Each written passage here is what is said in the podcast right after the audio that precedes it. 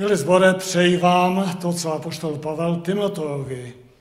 Milost, slitování a pokoj od Boha Otce a Pána Ježíše Krista. Raduji se z toho, že mohu s vámi sdílet tu živou naději v našem spasiteli, Pánu Ježíši. A dnes tak chci učinit na základě Božího slova z Evangelium Jana, páté, teda šesté kapitoly od 30. verše po 35. Můžeme povstat.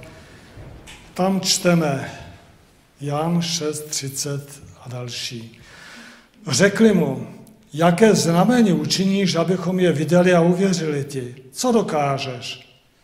Naši otcové jedli na poušti manu, jak je psáno, dali jim jíst chléb z nebe. Ježíš jim řekl, amen, amen, pravím vám. Chléb z nebe vám nedal Mojžíš. Pravý chléb z nebe vám dává můj otec. Neboť boží chléb je ten, který sestupuje z nebe a dává život světu. Řekli mu, pane, dávej nám ten chléb stále. Ježíš jim řekl, já jsem chléb života, kdo přichází ke mně, nikdy nebude hladovět a kdo věří ve mne, nebude nikdy žíznit. Všemohoucí Bože, děkujeme ti za tvé slovo. Děkujeme ti, že k nám mluvíš skrze svého syna, Pána Ježíše Krista. A ten nás vede k tobě. Děkujeme ti za tvého svatého ducha, který mluví do našich svědomí a ukazuje nám cestu života. Požehnej nám tuto chvíli. Amen. Bratři a sestry, jak jsme dávali pozor při čtení Božího slova, tak řeč je o chlebu. A to je velice aktuální dnes. Pan Ježíš Kristus po tom, co ta slova mluvil, to rozvedl ještě šířej a předtím nasytil pět tisíc lidí. Ale lidé byli nadšení pro to nasycení tělesným chlebem. A Ježíš mluví ještě o jiném chlebu. Nad tím se chceme zamyslet. I když nechceme zlehčit tu naši tělesnou potřebu, kdy každý den jdeme do spížírny, zasedáme za prostřený stůl a ten chléb potřebujeme. Ale je otázka, k čemu přiložíme srdce, co dáme na první místo. A tak nejdříve se podívejme, jak to vypadá ve světě s tímto tělesným chlebem. Zatímco část lidstva žije v nadbytku, na světě umře každý den přibližně 25 tisíc lidí hlady. Na celém světě hladoví přes 800 milionů lidí a více než jedna třetina z nich jsou děti. K tomu přes 165 milionů dětí mladších pěti let zakrňuje ve vývoji kvůli hladu. Hlad zabíjí každým rokem více lidí než AIDS, malárie nebo tuberkulóza. Vedle klimatických a ekonomických příčin tuto bídu působí násilí. A to je vina člověka. 60 hladovějících žije v oblastech sužovaných válkou. Od roku 2019 se počet lidí trpících akutní formou hladu zvýšil dva krát ze 135 milionů na 345 milionů. Tato čísla jste už možná někde četli, jsou to, je to z oficiální statistiky Organizace spojených národů. Řešení by bylo možné restrukturalizaci financí ale ti, kteří je ovládají, se přes mrtvoly ženou za stále větším ziskem. Přátelé, zde vidíme, že problém spočívá ještě v něčem jiném, než v nedostatku chleba. Protože tady je otázka toho rozdělování a vztahu k přírodním zdrojům. Zde vidíme, že člověk potřebuje předně chléb, který utiší nejmučivější hlad po životě. A ten chléb ničí sobectví, dává člověku skutečný život, naplňuje život. O tom je rozhovor pána Ježíše z Židy, který se udál po nasecení pěti tisíc mužů dvěma rybkami a pěti ječnými chleby. Ten chléb potřebujeme. Vy, kteří jste už eh, byli eh, mladí nebo dospělí eh, v době sametové revoluce, tak můžete se tak nějak pohlednout, jak, to, se, jak se to vyvíjelo dál. Radovali jsme se, že je svoboda, měli jsme možná víc, někteří ovšem ztratili zaměstnání, bývá to různé, ale jsme vděční za tu dobu svobody. Ale přátelé, já jsem byl šokován tím, že ti, kteří předtím oslavovali Pána Boha a sloužili Pánu Bohu, když se dostali do manželské krize, mnoha manželství, mnohé rodiny se rozpadly ve svobodě. Tady potřebujeme skutečně ještě něco jiného k naší spokojenosti, k našemu pravému štěstí, než jen to, co potřebuje naše tělo. A tak se podívejme na ten příběh. Pan Ježíš rozdělal chléb a ryby, které přijal od jednoho chlapce a každý dostal tolik, kolik chtěl, píše evangelista Jan. A ještě na Ježíšův pokyn nazbírali 12 košů nalámaných chlebu, protože pan Ježíš dal takový příkaz, aby nic nepřišlo na zvar.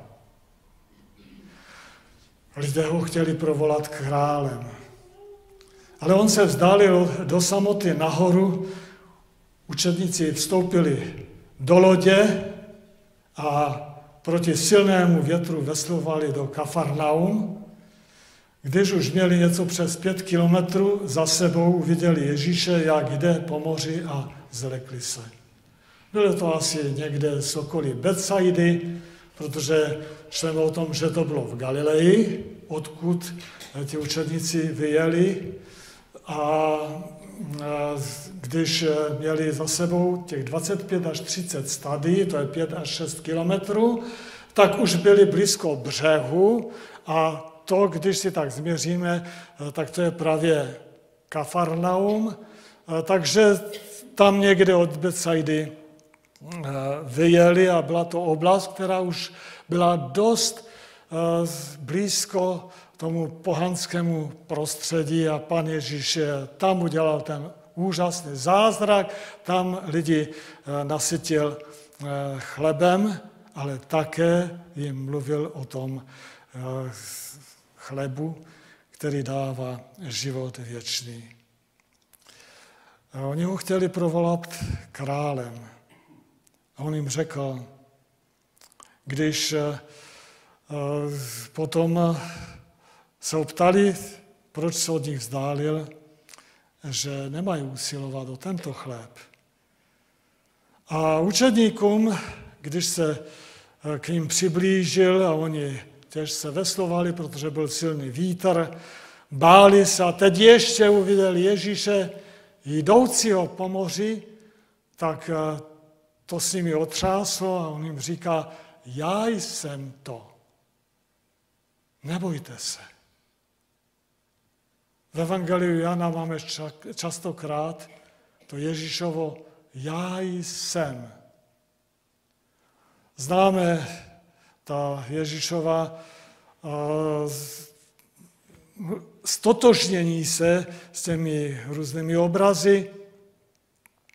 Pan Ježíš řekl, že on je chléb života, že je světlo světa, dveře nebo dobrý pastýř, vzkříšení a život, cesta, pravda a život. A také, že ten pravý vinný kmen a v souvislosti s tím řekl, že bez něho nemůžeme dělat nic, nedovedeme nic, protože eh, my jsme jenom ratolesti. Ale před tou událostí, o které čteme, měl ještě rozhovor se samařskou ženou. Víme, jak ji potkal u Jákobovy studny, ona tam čerpala vodu a pak byl ten rozhovor, až došlo k tomu, že eh, ona říká, jo, my víme, přijde někdy Mesiáš. A on říká, já jsem to, který s tebou mluví.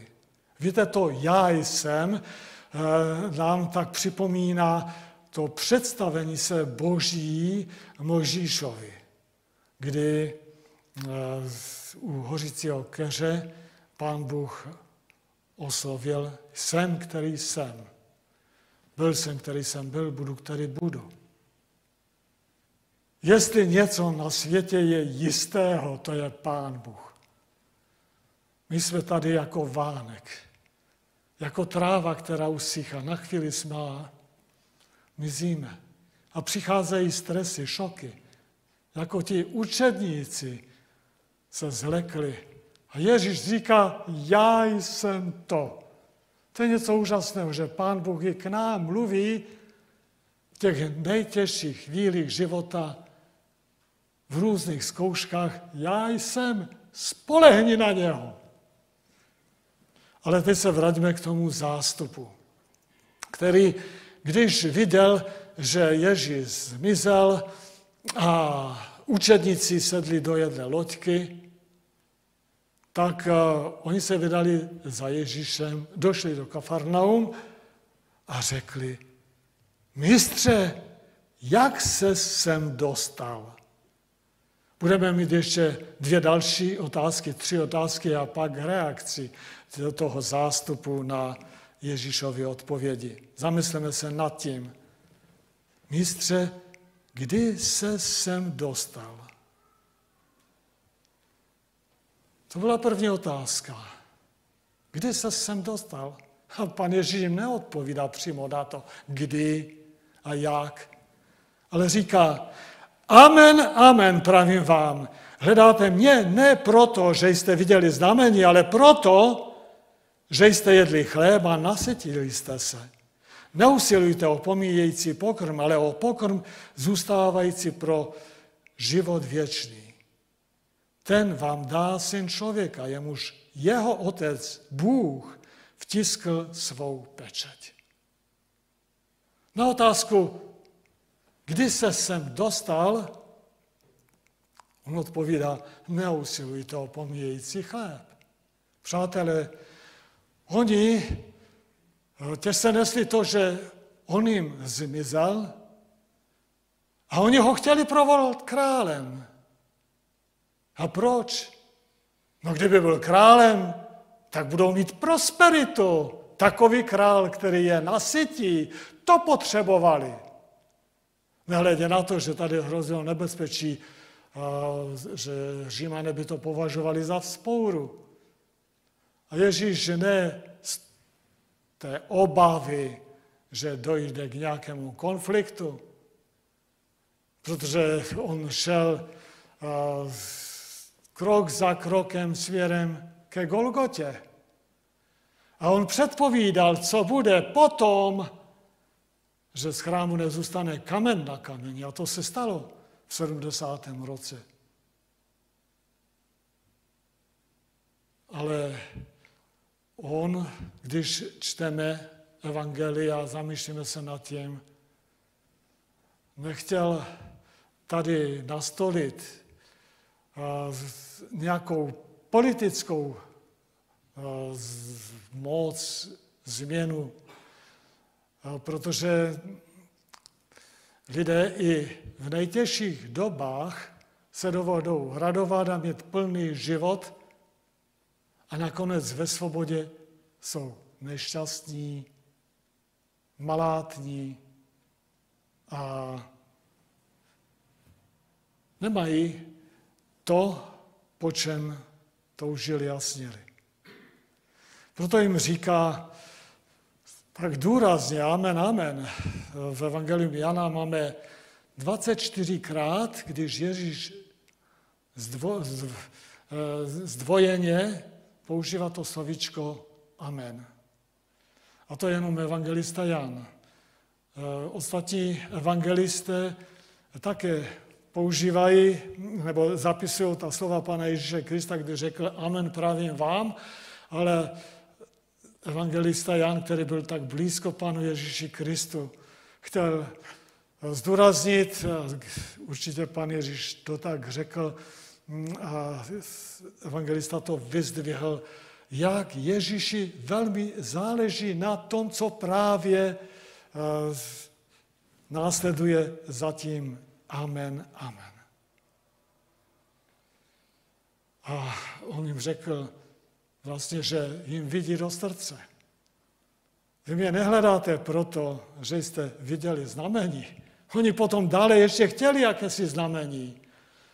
To bylo znamení pro ně, to byl zázrak, že pan Bůh je nasytil a oni ho nehledali proto. Oni jenom proto, že se najedli. A už nemysleli, že, to je, že už to je obrovský zázrak. Přátelé, když sedáme za stůl, tak to je zázrak, že tam máme ten chléb. To není tak samozřejmé. V první kapitole k Římanu čteme o tom, že eh, lidé eh, poznali Pána Boha podle stvoření nebo mohli poznat, ale nevzdali mu chválu. Když se zamyslíme nad tím, eh, tak teď už nevidíme moc obilných hlán, ale podívejme se na, takové, na takovou pšenici nebo žito. Tenoučky stonek a na tom klas, který je těžší než celý ten stonek. A tak vysoko v tom porovnání, kdyby to eh, se mělo nějak eh, promítnout do architektury, tak na vysokém stožáru by tam byla důmyslná továrna na produkci živého materiálu a také i sílo sípka. A to odolá ve větru až do žně. A to je zázrak. A mnoho, teda jeden ze zázraků, než spole se dostane k nám chléb na stůl. Za to máme děkovat Pánu Bohu, jeho oslavovat. Máme mu e, sloužit radostně, e, protože toto eh, je jeho projev milosrdenství. Ale pan Ježíš pokračuje dál a říká, neusilujte o pomíjející chléb, ale o pokrm zůstávající pro život věčný. A ten vám dá syn člověka. Jak je to s námi? Myslíme jenom na výdělek? Ano, Pán Bůh nás vede k tomu, abychom byli zodpovědní, postarali se o rodinu a také nebyli přítěží pro druhé, ale vydělali tolik, že bychom mohli dát druhým a pomáhat těm, kteří potřebují.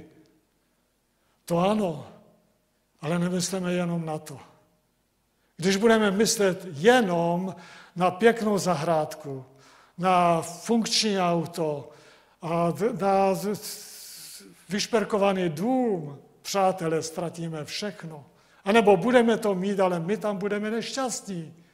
My potřebujeme chléb života. Potřebujeme slovo Boží. A to nejen, že my se budeme těšit, když budeme slovo Boží číst, ale máme dělat všechno proto, aby děti slyšeli Pána Boha Ježíše Krista na neděli měsíce. Modleme se za ně, aby slovo Boží se dotýkalo jejich srdcí. Máme usilovat o to, aby v dorostu vládl Boží duch. Modleme se o to, aby Pán Bůh vedl ty, kteří jsou zodpovědní za dorost eh, svým duchem. A tak tež, aby mládež zkvétala, rostla. Komenský říká, že to je štěpnice církve. Přátelé, usilujeme o to, aby slovo Boží rezonovalo v našich životech. Ve všech generacích, až po tu nejstarší.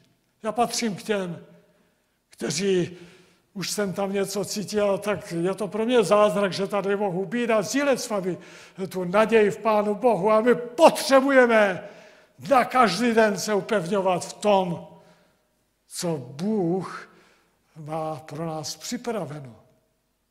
To je něco úžasného. Slovo Boží dává život, který nepomíjí. Slovo Boží dává ten chléb, který nás sytí k tomu, abychom byli silní k následování Ježíše Krista, ke službě a také k tomu, abychom došli až do cíle. Druhá otázka. Jak máme jednat, abychom konali skutky Boží? Ptá se ten zástup po tom, co pan Ježíš mluvil, neusilujte o ten chléb. Oni se ptali, dobře, ale co máme dělat, aby to bylo podle Boha? A Ježíš odpovídá, toto je skutek, který žádá Bůh, abyste věřili v toho, koho On poslal. Abychom věřili v Pana Ježíše Krista. To je první a nejdůležitější skutek.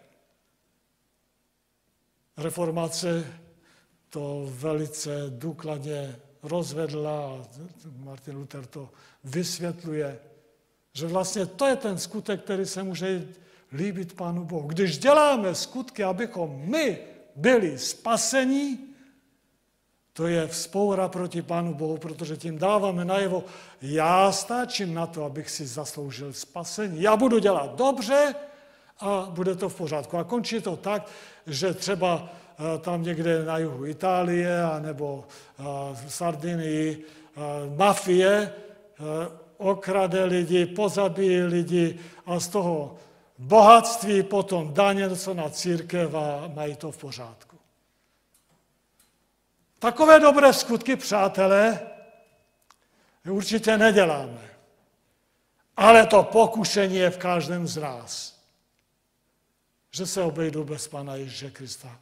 A proto on říká, ten dobrý skutek, to základní, od čeho se odvíjí potom celý, celý život eh, s Panem Bohem, je věřit v Pána Ježíše Krista, že On za mě zemřel.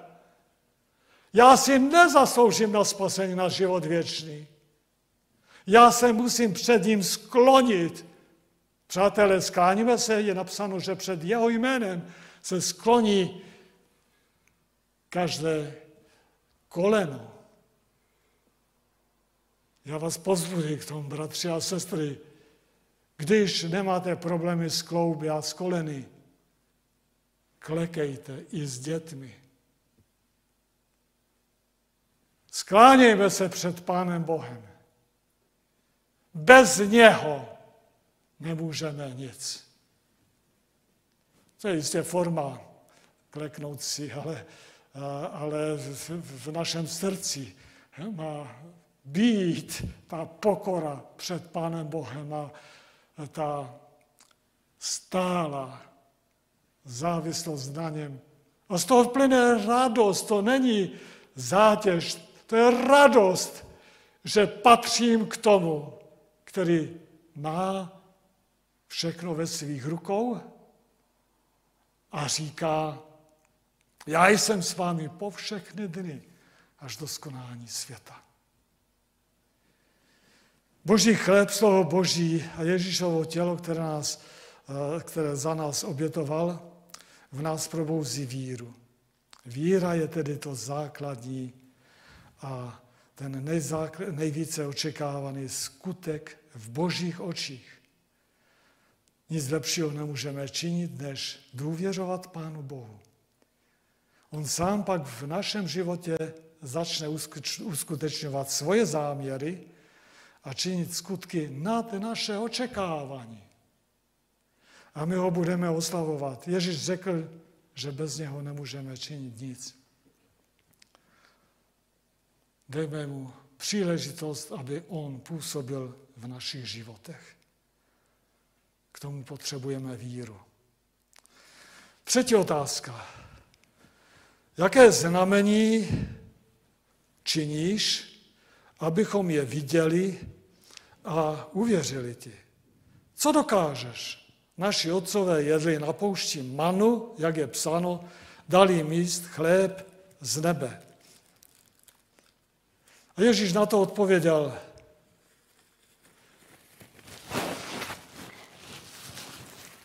zase dvakrát, amen, amen. Pravím vám, chléb z nebe vám nedal Mojžíš, pravý chléb z nebe vám dává můj otec. Neboť chléb z nebe je ten, který sestupuje z nebe a dává život světu. Drazí přátelé, zase máme to zdůraznění, že ten pravý chléb není ten, který je pro naše tělo, ale ten, který dává Otec nebeský, který přichází z nebe. Když se lidé ohlížejí jenom za tím tělesným chlebem a přehlížejí, že to je dar od Pana Boha, nevzdávají dík a slávu stvořiteli, dokážou ničit boží stvoření a s ním pokrm tak potřebný pro hladovějící v tomto světě. Karel Kryl v jedné písni zpívá o stéblu pšenice, jak rostlo na kasárenském nádvoří a odolávalo nepříznivým okolnostem, až jej povel velitele s hvězdnatými rameny e, zničil, až na jeho povel e, vyzbrojená rota z bajonoty u pasu přemohla to stéblo a zničila ten klas. Tak tomu je, když eh, přehlížíme to, jak eh, je velkým požehnáním pro nás to, co Bůh nám dává eh, v tom tělesném chlebu. Ale máme především myslet na to, že tento chleb nám dává Pán Bůh proto, abychom mohli sloužit druhým a dělit se o něj s jinými. A je tady takové pro nás udivující, že oni viděli znamení a chtějí zase znamení. V řečtině, když Čteme o tom, že oni hledali znamení a pan Ježíš tady zase mluví o tom eh, znamení, že, že v tom eh, je to znamení jeho moci, eh, tak je tam stejné slovo použité, semejon. Lidé totiž vyhledávají zázraky, potřebují senzace, lidé chtějí chléb a hry, ale boží člověk hledá především svého pana a jemu za všechno chce děkovat. A reakce na to. Pane, dávej nám ten chléb stále.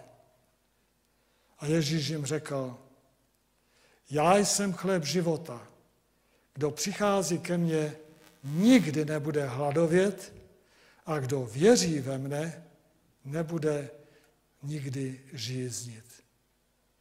Ježíš nám ho dává ve svém slovu a ve svátostech, ve svátosti večeře páně. Dovolte, že tady nejsem v té věci odborníkem, ale prostě četl jsem v jednom časopise takový, takovou esej na základě demografů eh, Giovanniho Pese a Michaela eh, Polena o tom, co působí dlouhověkost. Vyšlo to v žurnálu of Experimental Gerontology a tam uvádějí devět trendů, které vedou k dlouhému životu ve zdraví. A nejsem tady od toho, abych v té věci poučoval, protože jsem absolutní like v té věci, ale zaujalo mě, že tam mezi těmi devíti body uvádějí eh, pravidlo 80%, to znamená dělat věci a především jíst uměřeně, je to mezera 20% mezi hladem a pocitem plnosti. Čili když mluvíme o chlebu, tak eh, je tady vždycky třeba být i v té věci tělesného chleba střízlivý. Ale potom dál. Eh, dalším pravidlem je víra. Píšou, sama návštěva bohoslužby čtyřikrát za měsíc prodlužuje život o čtyři až 14 let. Oni porovnávají eh, regiony a okolí, eh, jak lidé žijou, co dělají. Tam píšou, že nejde o příslušnost ke konkrétní církvi, ale už to, že lidé poslouchají Boží slovo, eh, působí blahodárně.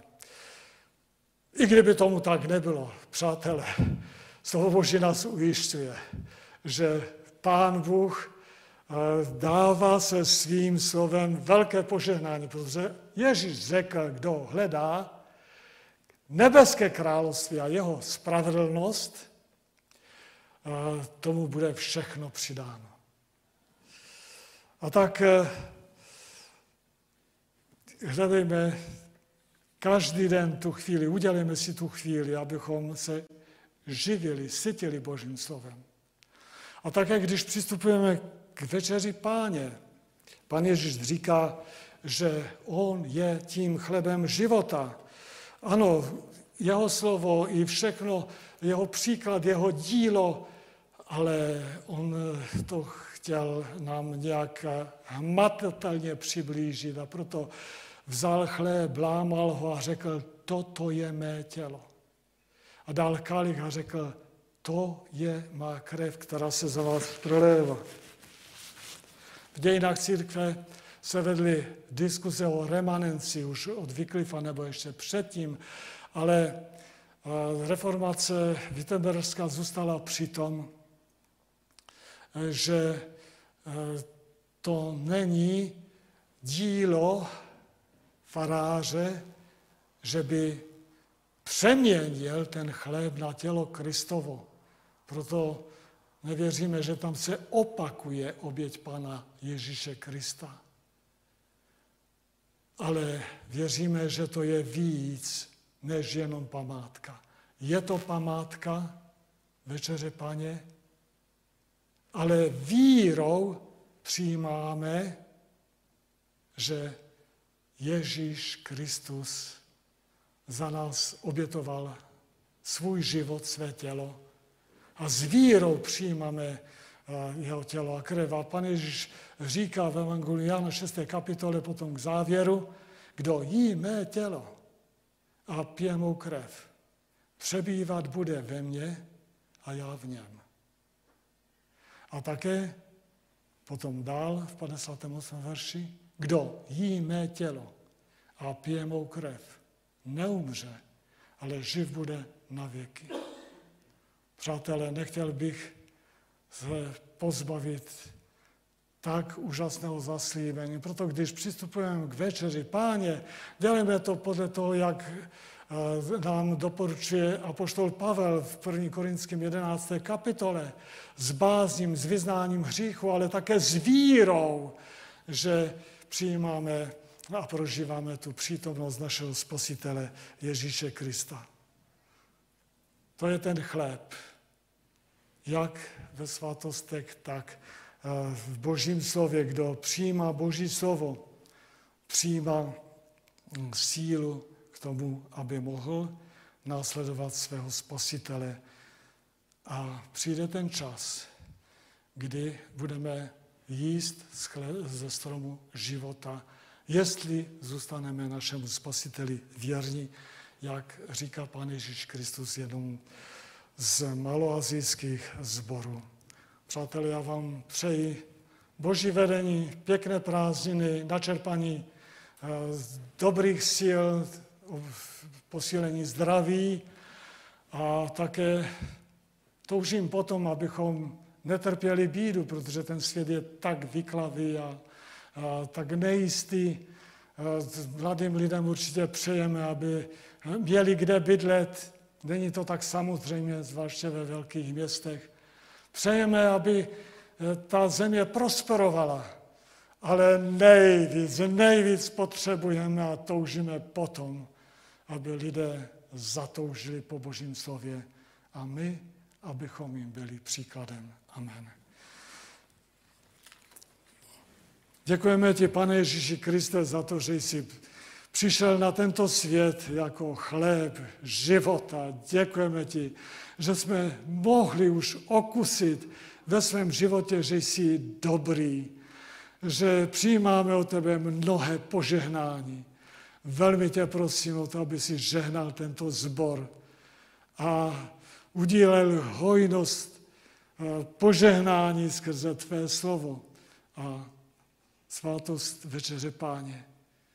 Poženej, pane Bože, také přijímání tvého slova na každý den při denním studium tvého slova v našich domech, v našich rodinách.